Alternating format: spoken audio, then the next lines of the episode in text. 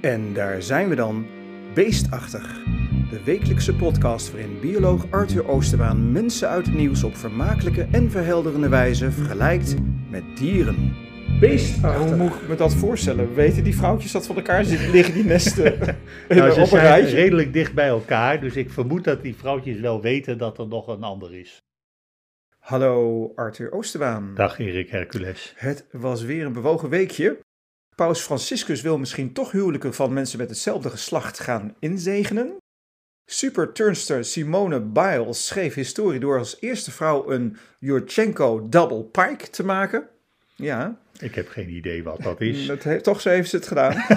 en de Nederlandse regering geeft ereherstel aan Tula, de leider van de slavenopstand in Curaçao, 228 jaar geleden. Ja, Ja, het werd wel tijd. werd wel zo ongeveer tijd, hè?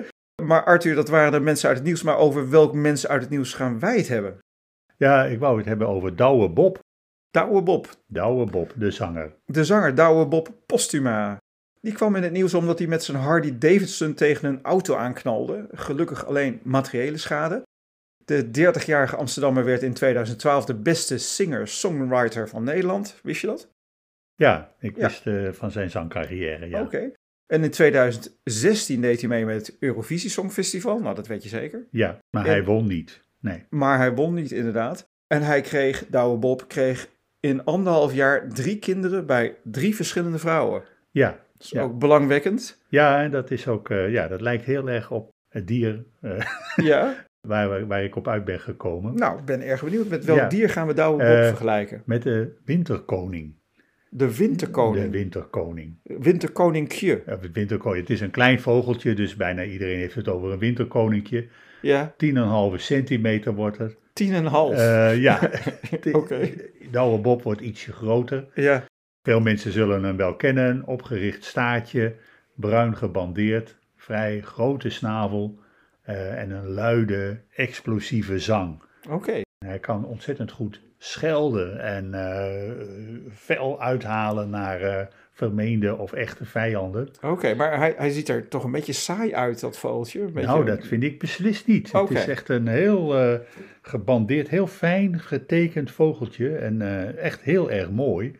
Ja, en ze maken bolle nestjes en ja, dat ziet er ook heel grappig uit als je dat...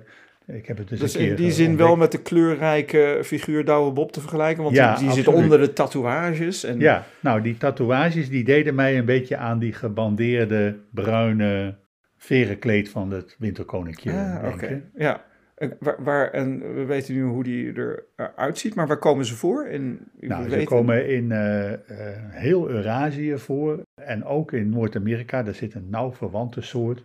Ja, ze zitten overal waar maar bossen met eh, dichte ondergroei, struikgewas, heggen, daar, eh, daar broeden ze. En vaak aan het water. Een soort mus is het? Of is het een soort... Nee, nee, het is absoluut geen mus. Het is, het is een echte insecteneter Ja. en het is een standvogel.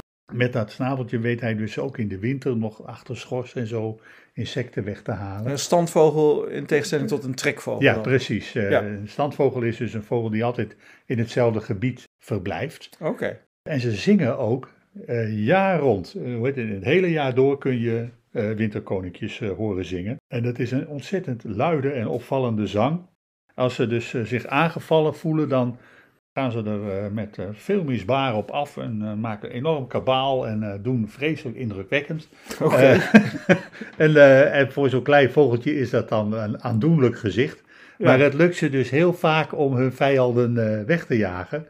Ik heb één keer gezien dat, dat, dat een winterkoning dat deed tegenover een reusachtige graafmachine die daar aan het werk was. Een graafmachine. Een graafmachine die wel ongeveer 5000 keer zo groot was als ja, hij ja. zelf. Maar ja, ik, eh, grote bewondering voor de moed. En die graafmachine die eh, ging met de staart tussen de benen. Nee, nee, nee, die ging gewoon door. Oké. Ja, ja. En, en waarom doet zo'n winterkoninkje je dan aan Douwe Bob? Ja, Denk er nog eh, meer? het heeft vooral te maken met hoe het liefdesleven van een winterkoning in elkaar Ah, zit. oké. Nou, heel Eh, erg benieuwd. Nou, een winterkoning, een mannetje, maakt verschillende nesten. Die, die bouwt hij helemaal zelf. Het mannetje bouwt ja, nesten. Ja, bouwt de nesten. Eh, en dan verschillende. En die nodigt dan, eh, lokt vrouwtjes met de zang. En die nodigt ze dan uit. Laat dan dat nest zien. Moet je eens kijken, wat een geweldig nest. Is het niet wat voor jou?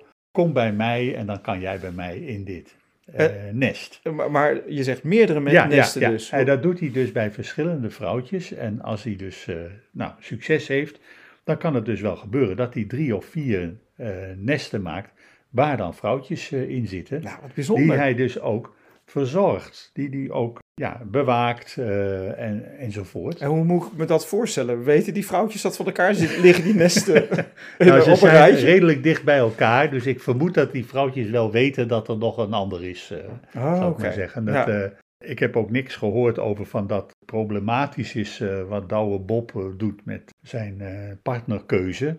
Nee. Nou, dat is dus mogelijk precies hetzelfde als bij uh, de winterkoning. Oké, het schijnt dat hij een van zijn kinderen pas na een hele lange tijd heeft gezien, nadat hij al geboren was. Ja, ja, ja. Maar dat zou bij het winterkoninkje, die komen allemaal tegelijk uitnemen. Ja, die, die komen, ja, dat is gebruikelijk bij zangvogels. Ze komen tegelijk uit en uh, die, uh, het vrouwtje gaat ook pas broeden als ze het laatste ei heeft gelegd.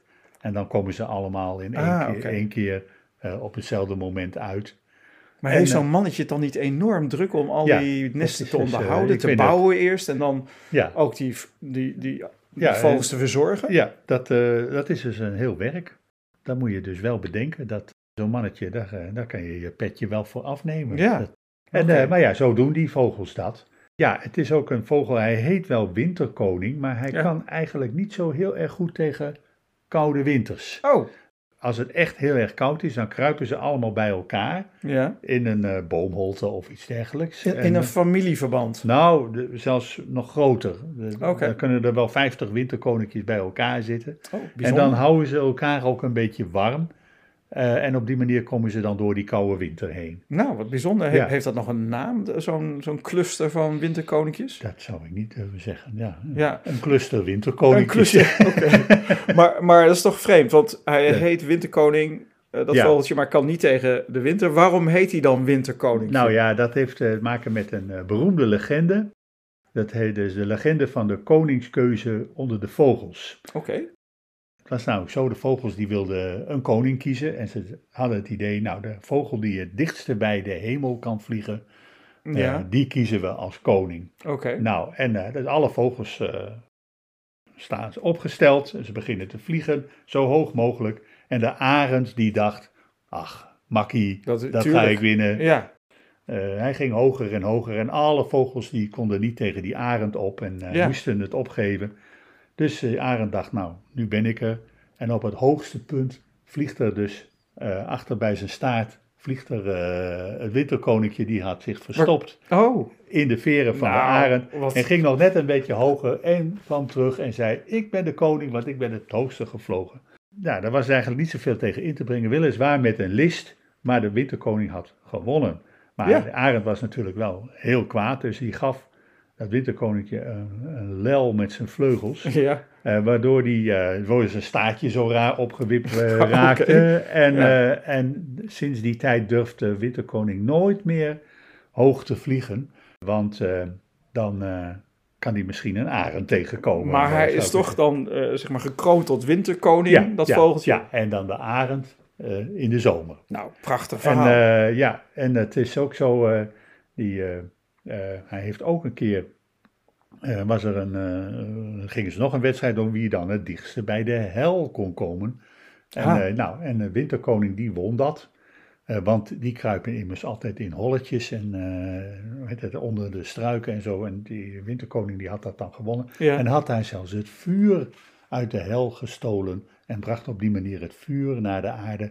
Maar daardoor heeft hij dus wel een beetje verschroeide veren. Oh, daar, ja. zo komt hij en, aan zijn, uh, ja, zijn uh, veermotief. Ja, Heeft hij geen naam aan overgehouden verder? En het is een symbool voor dapperheid, de winterkoning. Oké. Okay. En dat vond ik wel bij Douwe Bob passen, want het is, ja, hij durft wel.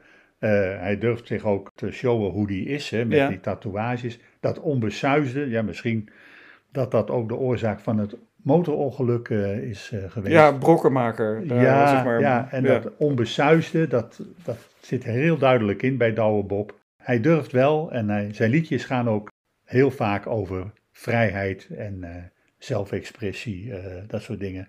Dat, uh, dat vindt Douwe Nou, Bob eh, belangrijk. Ja, mooie vergelijking. Had ik niet meteen gezocht achter zo'n klein vogeltje dat er nee, zo'n maar eh, dat is, eh, veel ja, dapperheid en rebelsheid misschien achter zit. Je zei er net al, het zijn scheldkanonades. Kun je dat nadoen? Het, eh, ja het de, de zang, dat durf ik eh, niks, eh, dat is te moeilijk. Ja. Met metalig klinkende tonen en staccato, ratel. Dat kun je niet nafluiten of zo? Ja, Douwe Bob heeft in zijn jo- jonge jaren last gehad van stotteren. Ja. Nou, dat staccato, ratel van een winterkoning past er wel op. Maar ik kan de alarmroep, kan ik wel. Oh, hij heeft nou. twee alarmroepen. Twee, maar Twee. de, belangrijkste is trrr, trrr. Dat hoor je regelmatig. En wat betekent dat? Pas op, gevaar. Pas op gevaar. En een ander is check, check, check. Eh, en ook dat hoor je regelmatig. Oké. En dat En- zijn allebei alarmroepen van eh, dit dappere kleine vogeltje. En we weten nog niet wat het verschil tussen die twee alarmroepen dan is. Moeilijk te zeggen. Ik weet het in ieder geval niet. Ik vind in ieder geval eh, een mooie vergelijking. En dankjewel weer, Arthur. Dankjewel. Ik denk Dirk. dat Douwe Bob er ook blij mee mag zijn. Vind ik wel. Ja, goed. nou, ik zou zeggen tot de volgende keer. Tot de volgende keer. En tot het volgende dier. Beestachtig. Beestachtig wordt mede mogelijk gemaakt door Skumkoppen 0.0. Geen 18, geen alcohol. En let op, Beestachtig is vanaf nu te vinden op Tesselse Courant podcast. Zoek het op en volgen wordt op prijs gesteld.